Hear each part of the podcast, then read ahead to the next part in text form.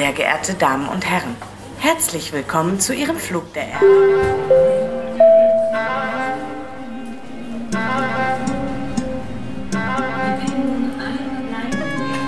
أهلا بكم في بودكاست الحياة والعمل داخل ألمانيا. المقدم من معهد جوتا ويقدمه لكم راوية خضر من تونس فرح بعلبكي من لبنان وأنا رشدي من مصر. أهلا بكم.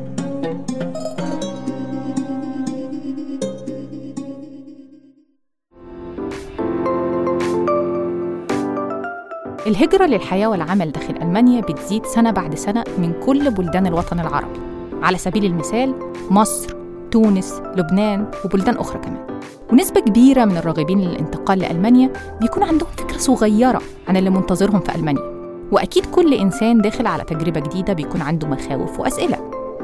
وأهم سؤال أنا محتاج إيه علشان أبدأ حياتي الجديدة في ألمانيا؟ بنجاح. هنا بيجي دور معهد جوتا ومشروعه الحياة والعمل داخل ألمانيا.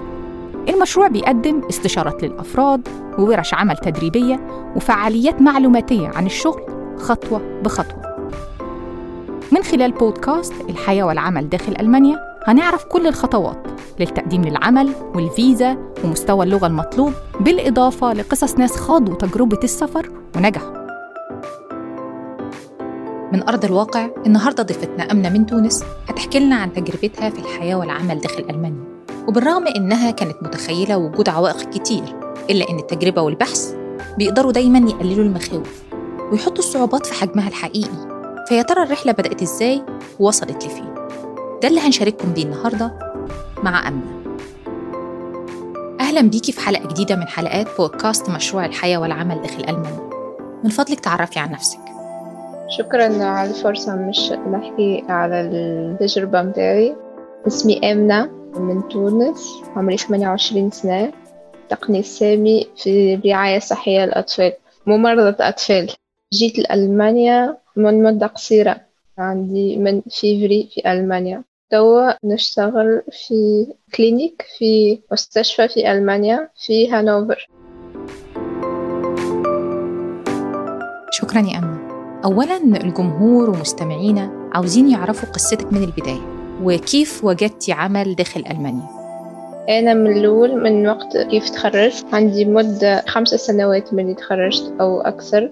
تخرجت سنة ألفين وستاش. مع الأسف ما لقيتش شغل في بلادي في تونس. يعني أنا اشتغلت لكن في تخصص آخر ما اشتغلتش في ميدان الصحة. ولكن قاعد ديما نحب نخدم في domaine الصحة ال domaine اللي أنا قريته. كان ديما المشكل اللي عندي اللي خلاني ما نجمتش نخرج هو إنه ما عنديش تجربة. يعني برشا دول يعني يطلبوا عليك إنك يكون عندك تجربة. وأنا ما نجمتش نلقى خدمة في تونس. كان ما عنديش تجربة. يعني كان العائق قدامي هو التجربة عام 2018 اكتشفت إنه ألمانيا هي في حاجة للي يخدموا في الصحة وهي تقبل بدون تجربة. وكان خبر بالنسبة لي هو اللي يغير لي تفكيري. احكي لنا كنت بتدوري فين وما هي المواقع اللي استخدمتيها في البحث عن عمل وقولي لنا رحلة البحث من بدايتها كانت شكلها عامل إزاي؟ groupe على الفيسبوك بتاع أعوان الصحة في تونس.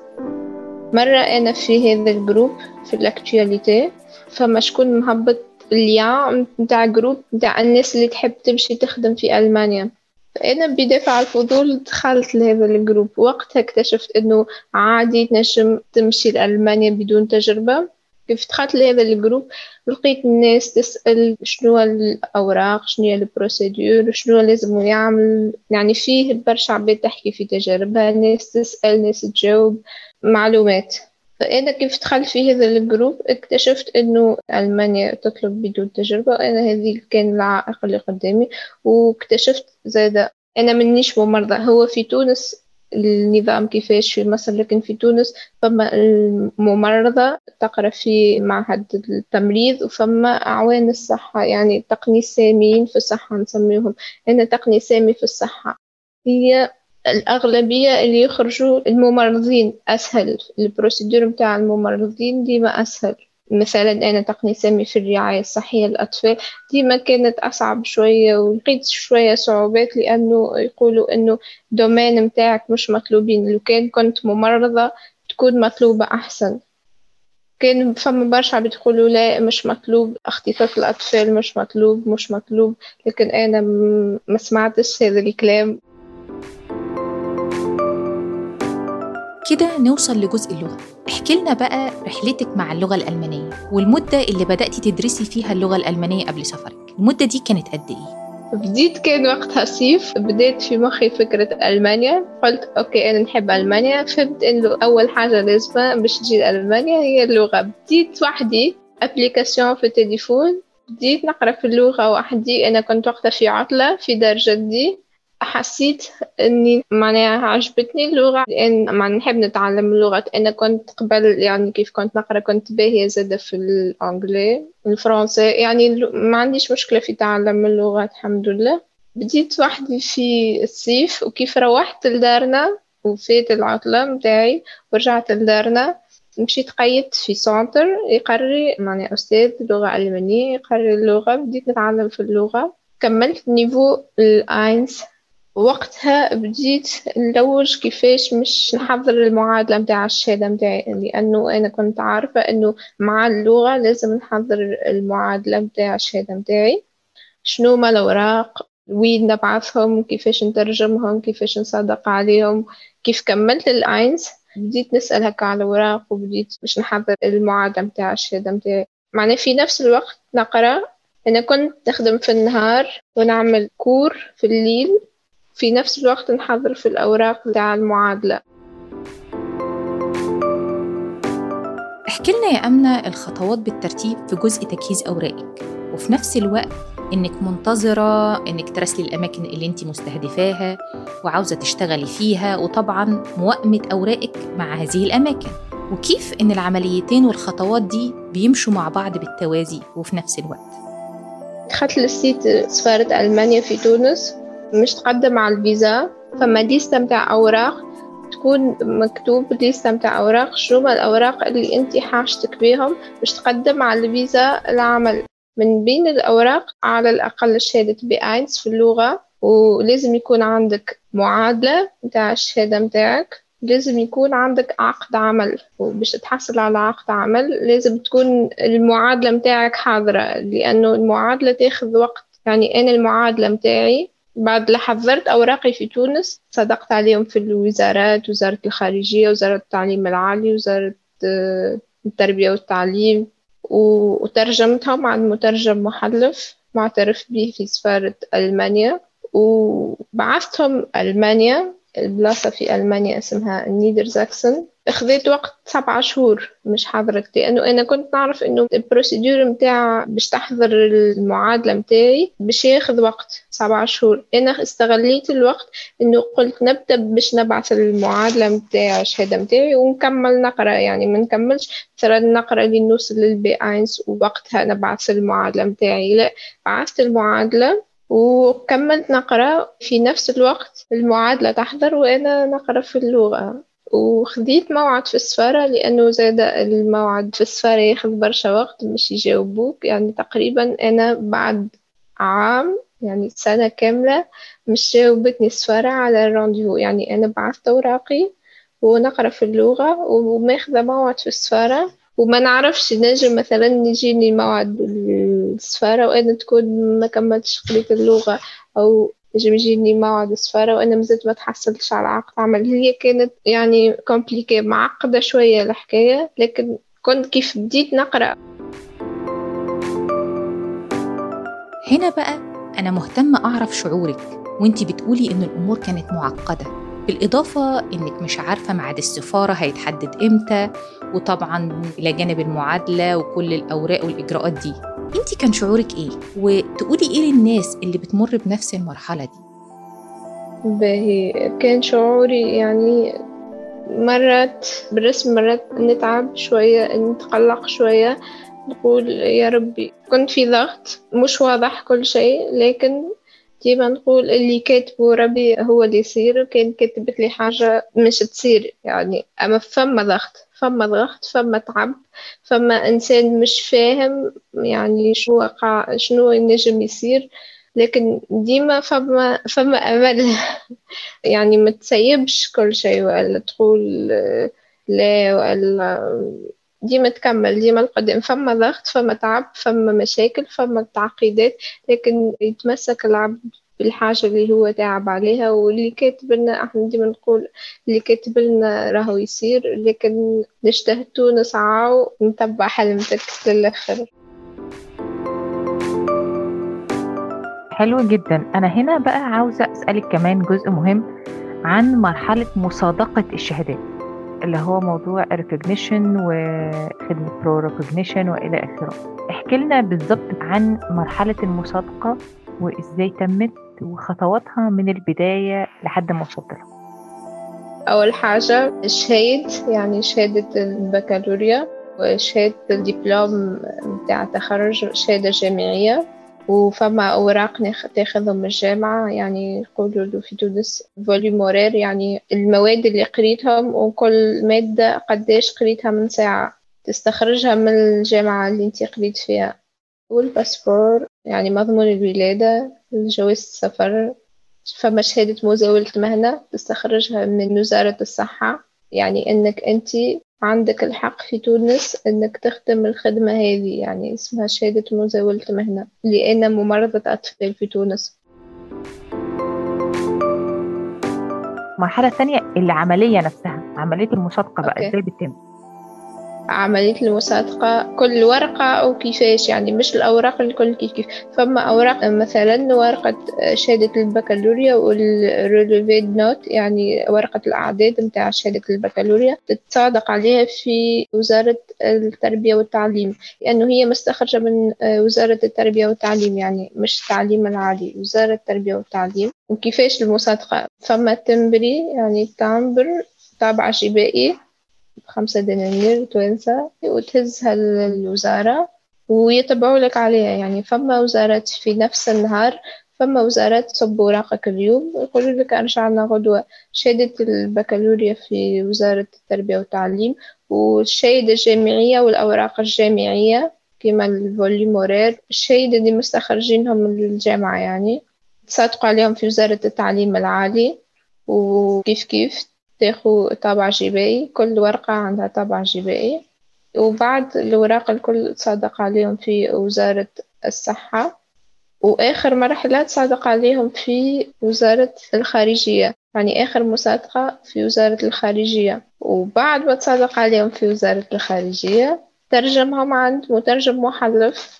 مستعرف معترف به في سفارة ألمانيا في تونس لأنه les procédures الإجراءات تتبدل من وقت لوقت تتبدل. تقريبا توا يقولوا لازم الأوراق تترجم في ألمانيا ما عادش تترجم في تونس. مانيش متأكدة من صحة هذه المعلومة لكن أنا ترجمت أوراقي في تونس عند مترجم محلف في تونس وبعد ترجمت أوراقي تعاملت مع شكون في ألمانيا. يعني إنسان يعيش في ألمانيا. هو الحقيقة عاوني زادة برشا. كنت نسحق نسأله على حاجة. كان ديما يجاوبني. كنت مرات إني نحس إنه سي ما فماش أمل.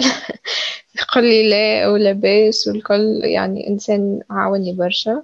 بعث له أوراقي. عمل لي نسخة مطابقة للأصل على الأوراق الأصلية ونسخة مطابقة للأصل للترجمة. وصب الأوراق في مركز المعادلة في نيدرساكسن ورجع لي الأوراق متاعي الأصلية.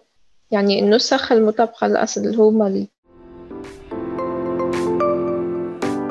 هنا بقى كنت. عاوزة أسألك فاضل قد إيه على إنك تكون شهادتك مطابقة لكل حاجة في ألمانيا؟ هل في يعني لسه خطوات؟ يعني بمعنى إن أنت يكون مؤهلك بالظبط يساوي نفس المؤهل في ألمانيا. هل لسه فاضل لك أوراق؟ الشهادة متاعي يقولوا بالألمانيا تحصلت على ديفيتسيت بشايد يعني هو معادلة جزئية مش معادلة كلية. يعني أنا توا في ألمانيا أنا ممرضة أطفال في تونس لكن في ألمانيا نخدم مساعدة صحية.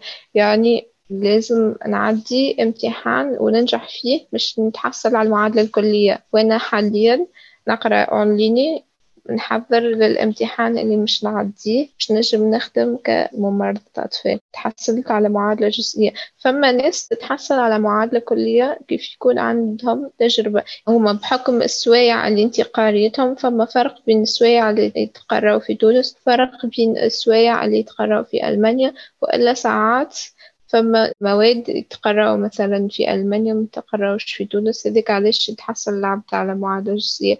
لكن كيف يكون عنده خبرة في دومين يعني خادم في تونس في دومين. أبرت منعرفش قديش يختلف حسب المقاطعات.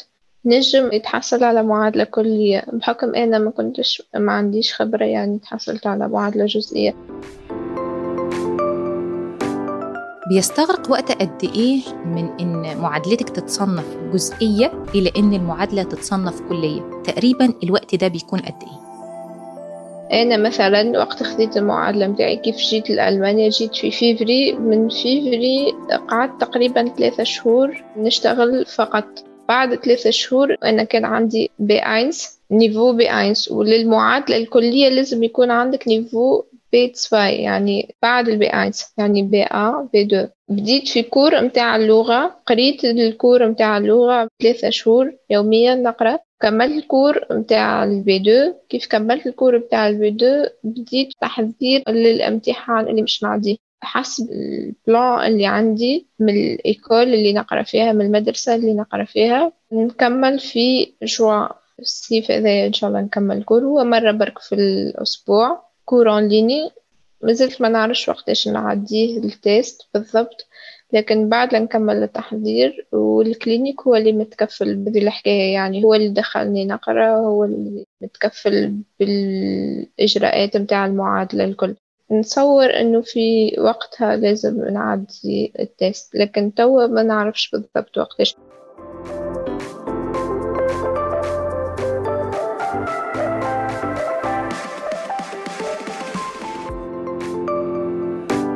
دلوقتي عاوزين ننتقل لتجربة العمل وال interview. أكيد في ناس كتير عايزة تسمع تجربتك وإزاي دورتي على فرصة والمراحل اللي انت مريتي بيها.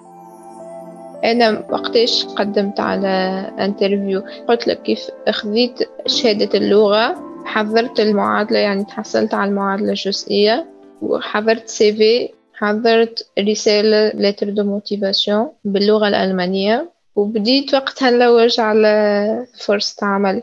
دخلت ال site في الانترنت فيه ليستة متاع الكلينيكات في ألمانيا. أنا صبيت المعادلة متاعي في النيدر زاكسون يعني في بلاصة ساكسونيا السفلى بالعربي. هي العاصمة متاعها هانوفر. عندي الحق إنه مش ما نلقاش صعوبات في السفارة من المستحسن إني نخدم في النيدر زاكسون. ما نصبش أوراقي في كلينيكات مش في النيدر زاكسون لأنه تجربة السفارة تقول أنت صبيت اوراق في لأنه هي معادلة جزئية مش معادلة كلية. تكون متحصلت على معادلة كلية مش مشكلة تنجم تخدم في ألمانيا الكل. إذا تحصلت على معادلة جزئية المستحسن تخدم من الأول في البداية في المقاطعة اللي أنت صبيت فيها أوراقك. donc خذيت البلاصة اللي أنا صبيت فيها أوراقي نيدر زاكسن خرجت الليستة متاع الكلينيكات اللي في نيدر زاكسن وكل clinique دخلت لل site الرسمي متاعو. شفت يبداو مهبطين عروض شغل. ندخل عروض الشغل وصبيت يعني الشهادة متاعي التونسية المترجمة والمعادلة الجزئية وشهادة اللغة وسيرة ذاتية و lettre de motivation تعرف فيها شوية بروحك وعلاش أنت تحب تخدم في ألمانيا؟ وش هو حضرت باش تخدم في ألمانيا؟ يعني كما نقولوا إحنا علاش لازم تشجعهم مش يعملوا معك مقابلة عمل؟ حابة بقى دلوقتي إني أعرف إحساسك في أول interview عملتي؟ كنت أكيد خايفة يعني stressée شوية أول مرة مش نعمل مقابلة عمل باللغة الألمانية. طبيعي كانت الألماني متاعي يعني كان عندي niveau B eins ال niveau كان يعني ضعيف شوية. أول مرة كنت باش نحكي مع الناس ألمانيين في الحق هي في مقابلة العمل. يعني حكيت بالألماني مع الأستاذ مع الزملاء كي تتعلم. كانت أول مرة باش نحكي مع ناس ألمان هي في كان في مقابلة العمل. اللي هي يعني مقابلة العمل نحسها stressante شوية. حتى لو كان في تونس وبلوغتك والكل تحس إنه أكيد باش تكون stressante لكن كتبت في ورقة؟ شنو ما الأسئلة اللي كانوا ينجموا يسألوهم؟ لي حضرت شوية حضرت شوية أجوبة حضرت هكا التعريف الصغير الروحي باللغة الألمانية؟ وكيف عملت المقابلة؟ يعني سألوني قالوا لي عرف بروحك وحكيت عرفت بروحي. سألوني شنو الحاجات اللي نجم نعملها. ك technicienne pédiatrie كممرضة أطفال في تونس شنو الحاجات اللي تخدمهم ممرضة الأطفال في تونس؟ يعني نوعا ما يحبوا يعملوا مقارنة بين ممرضة الأطفال في تونس وممرضة الأطفال في ألمانيا. سألوني قالوا علاش اخترت ألمانيا يعني علاش مش بلاد أخرى علاش ألمانيا؟ سألوني أكيد علاش ما خدمتش يعني خمس سنين من اللي تخرجت ما خدمتش في domaine الصحة. يعني سألوني أنا ما حبيتش نخدم في domaine الصحة ما كنتش نحب وإلا ما نجمتش. قالوا إنه لازم يكون عندي niveau B deux مش B un أنا كان عندي كما قلت لك في اللغة niveau B un فقط. لكن أنا قلت إنه ما نجمش يكون عندي niveau B deux لأنه الموعد متاعي في السفارة قريب. من خلال تجربتك يا أمنة يا ترى في حاجة مميزة تحبي تشاركي المقبلين على الحياة والعمل في ألمانيا بيها؟ بجزء من تجربتك أقصد يعني. أنا عندي juste ملاحظة نحب نعطيها للبنات المتحجبات إنه برشا بنات متحجبات يخافوا لأنه يقولوا على ألمانيا وشغل في ألمانيا. هل يقبلوا بنات متحجبات في شغل في ألمانيا؟ أنا في ال interview كيف شافتني لابسة حجاب ما عملوليش حتى remarque على الحجاب. حاجة برك قالت لي عليها إنه في ألمانيا ال service اللي أنا نخدم فيه القسم اللي أنا نخدم فيه إنه ال tenue متاع الخدمة يكون نص يد يعني لغاية صحية يعني مش حتى غاية أخرى. قلت لها OK فما حتى مشكلة يعني.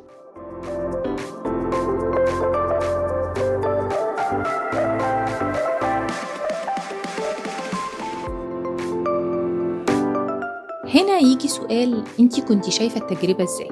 أكيد أول ما الإنسان بينتقل على مكان جديد بتحصل معاه مواقف بتكون ناتجة من الاختلاف الثقافي أحيانا المواقف دي بتكون محرجة صعبة طريفة هل في موقف تحبي تشاركينا بيه من المواقف اللي مرت بيكي أول ما سافرتي على ألمانيا؟ أنا كي جيت لألمانيا أول مرة جيت ما نعرفش حتى حد في البلاصة اللي أنا فيها. يعني أنا عندي أصحاب وأقارب في ألمانيا لكن أنا جيت لهانوفر وفي هانوفر ما نعرفش حتى حد. جيت وحدي لبلاد يعني أنا ما نتقنش اللغة متاعها بالباهي. يعني أكيد أكيد هي تجربة صعيبة.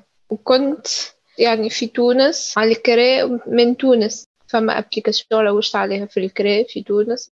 فما ناس السكن متاعهم يتكفل بيه ال clinique اللي مش يخدموا فيه أو دار العجز في ألمانيا. مش كل يجيو ال clinique فمش كل يجيو ديار العجز تكفل بيهم المشغل أنا متكفلش بيه المشغل في السكنة تكفلت بروحي لوجت في تونس على روحي. أنا فرحت برشا برشا يعني كيف لقيت الطفلة اللي باش أسكن معها أنا كريت في دار قريبة من ال clinique اللي أنا نخدم فيه والطفلة اللي أنا نسكن معها هي عربية يعني هي فلسطينية. وإنها تعرف تحكي بالعربي لأنه أنا ما نعرفش نحكي برشا بالألماني وهي كانت معاونتني برشا ساعدتني برشا وهي طيبة برشا ونحبها برشا. فرحت برشا إنه لقيت السكنة هي بالرسمي بالنسبة لي وعاونتني برشا إني جيت سكنت في هذه البلاصة مع هذه الطفلة. هذه حاجة برشا نحب نذكرها. عندي زوز جيران زادا بالزهر كانوا زوز جيران توانسة وهما عاونوني برشا ونشكرهم برشا. خليني بقى أسألك هل عندك بقى أصحاب ألمان؟ وعندك دلوقتي تعرفتي على أصحاب ألمان؟ يعني أصحاب أصحاب بنجمش نقول أصحاب أصحاب لكن زملائي في العمل محلاهم بالرسمي زملاء. الجو في الخدمة ياسر محلاه الزملاء متاعي في الخدمة محلاهم وأكثر حاجة عجبتني فيهم إنهم متفاهمين وإنهم يشجعوك وإنهم يقولوا لك ما تفهمش حاجة قول لنا مش مشكلة يعاونوك. يعني كي تسألهم على حاجة يجاوبوك. وزايدة اللي أنا نخدم في سيرفيس أطفال الأولياء الأم والأب متاع الصغير. يكون زاد عندهم تفاهم إنك ما تفهمش بالكدا اللغة ويشجعوك ما حتى مرة ما حسيت معناها إنه إنسان يتقلق إني ما فهمتش ولا حاجة بالعكس يقولوا لك مش مشكلة كأنك ما فهمتش وبالعكس يقولوا لك إنك تفهم بالباهي وإنك يعطيك صحة. وفما برشا يقولوا إنه نعرفوا ناس عندهم برشا سنوات في ألمانيا وما يحكيوش كيفك. يعني فما تشجيع أكثر حاجة عجبتني إنه فما تشجيع. يا ترى بقى في موقف مضحك غريب تحبي تشاركينا بيه؟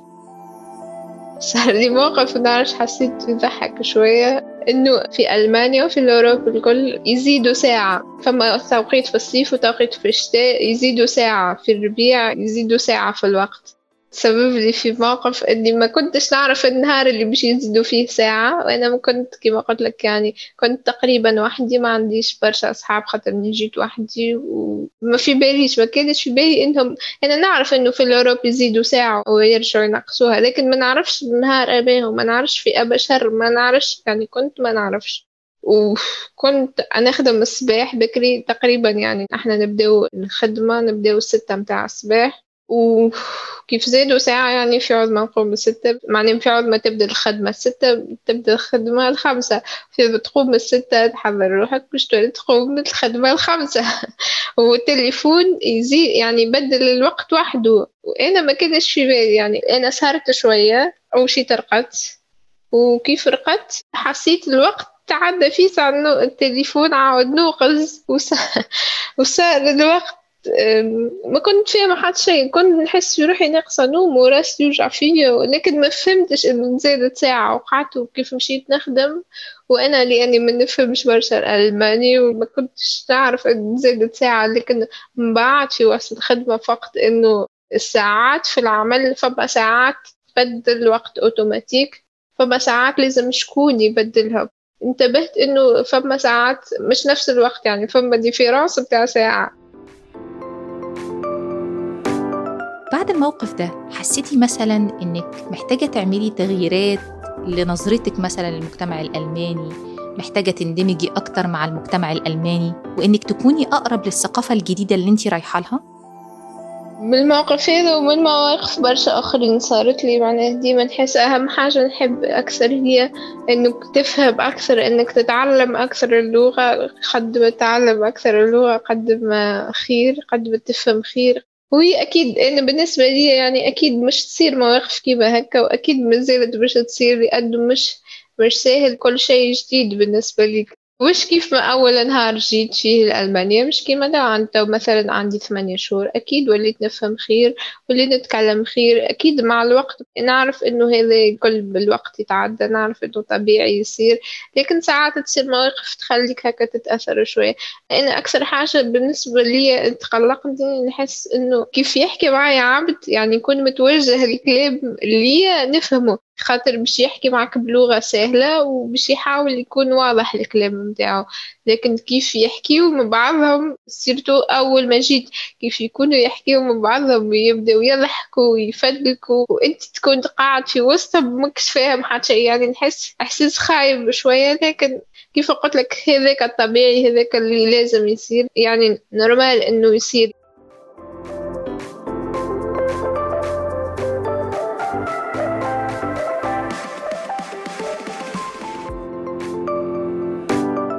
يا ترى يا أمنة لو كان عندك فكرة مسبقة عن مشروع زي مشروع الحياة والعمل داخل ألمانيا قبل كده وإن كل الإجراءات دي كانت تكون من خلال المشروع ده تفتكري ده كان هيفرق معاكي إزاي؟ وكان هيأثر على كل الخطوات والإجراءات اللي أنتي مشيتيها إزاي؟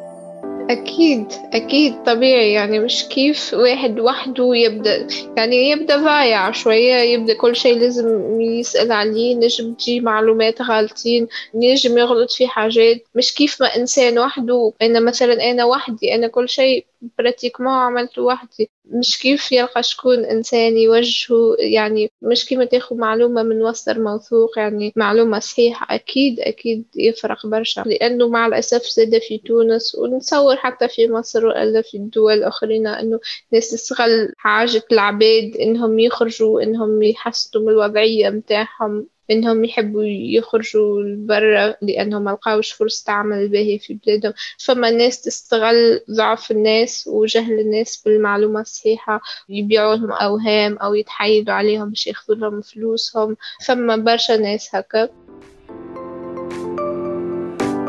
أكتر حاجة كنت تتمني أو تحبي إنك تتعلميها قبل ما تسافري ألمانيا وكنت شايفة إنها كانت هتفرق معاكي.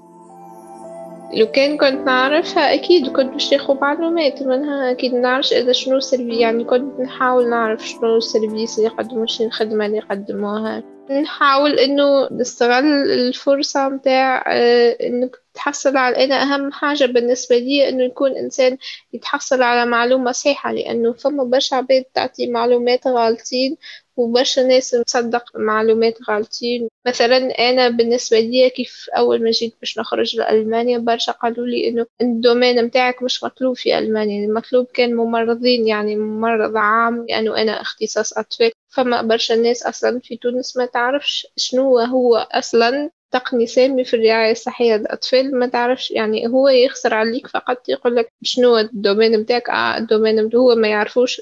يقول لك آه ال domaine متاعك مش مطلوب في ألمانيا. اللي هو مش صحيح مطلوب في ألمانيا وختمت المعادلة متاعي وأنا تو في ألمانيا. يعني أنا كان جيت سمعت الكلام هذايا من الأول وصدقته كل راني مازلت في تونس. يعني تبدلش حتى شي في حياتي وراني فسخت الفكرة من مخي إنه okay ألمانيا مش مطلوب domaine ي في ألمانيا. لكن أنا ما صدقتش أنا أمنت بروحي أنا توكلت على ربي. وأكيد لو كان جاي عندي مصدر موثوق للمعلومة كيما هذا المشروع إنه نلقى فيه المعلومة الصحيحة متخليش ناس تأثر فيك بالسلبية متاعها وبالمعلومات الغالطين يفرق برشا. أهم درس تعلمتيه من تجربتك للسفر لألمانيا من لحظة سفرك حتى الآن. حاجة تعلمتيها عن أمنة شخصية كإنسانة وامرأة عربية وفرقت معاكي اللي تعلمته على روحي إن أنا أقوى من اللي كنت نتخيل بالرسمي إنسان ما يكونش في باله إنه هو قوي كيف ما هو يتخيل يعني بالرسمي كيف تكون تتصور حاجات إنك باش تأثر فيك برشا إنك حاجة مثلا تقول هذه الحاجة ما نجمهاش هذه حاجة صعيبة عليا لكن أنا لقيت روحي أنا أقوى من اللي كنت نتصور يعني بالرسمي. مثلا توا هو صحيح عندي ثمانية شهور مش برشا لكن ال version version آمنة توا مش هي ال version متاع آمنة ثمانية شهور التالي.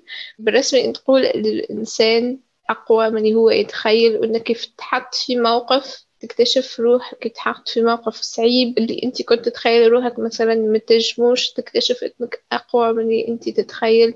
juste أما الإنسان يأمن بروحه وياخذ ثقة في روحه. ويتوكل على ربي بالطبيعة يعني أهم حاجة وتقول للناس الكل بالرسمي اللي أنتم وراكم أقوى من اللي أنتم ما تتخيلوا جوست ابنوا بروحكم حلو قوي أنا حابة اللي انت قلتيه ده جدا بالعكس أنا مستمتعة بيه تلخصي تجربتك في ألمانيا في جملة تكون إيه؟ أنت رأيك إيه لحد دلوقتي في ألمانيا والمجتمع الألماني والتجربة بتاعتك؟ لو حبيتي تلخصيها في جملة هتكون إيه؟ نلخصها في جملة. هو صعب نلخصها في جملة. لأن قبل ما نجي لألمانيا كانوا يقولوا لي أنت تنجم روحك في ألمانيا. يعني عندك القدرة تنجم روحك في ألمانيا. أما كنت شنو باش نشجع روحي باش نقول علاش ما نجمش علاش اللي نجموا فاش خير مني؟ في عبد يقول لك تنجم روحك تقول ان جاو أمور مش قانونية ناس جاو ما يعرفوش لغة هما ما هماش خير منك. اللي ينجم هو ما هوش خير منك. زي نلخصها حاجة. هذه نلخص أه حاجة لخصها معناها في حياتي في ألمانيا بالرسمي اللي نجم ما هوش خير منك.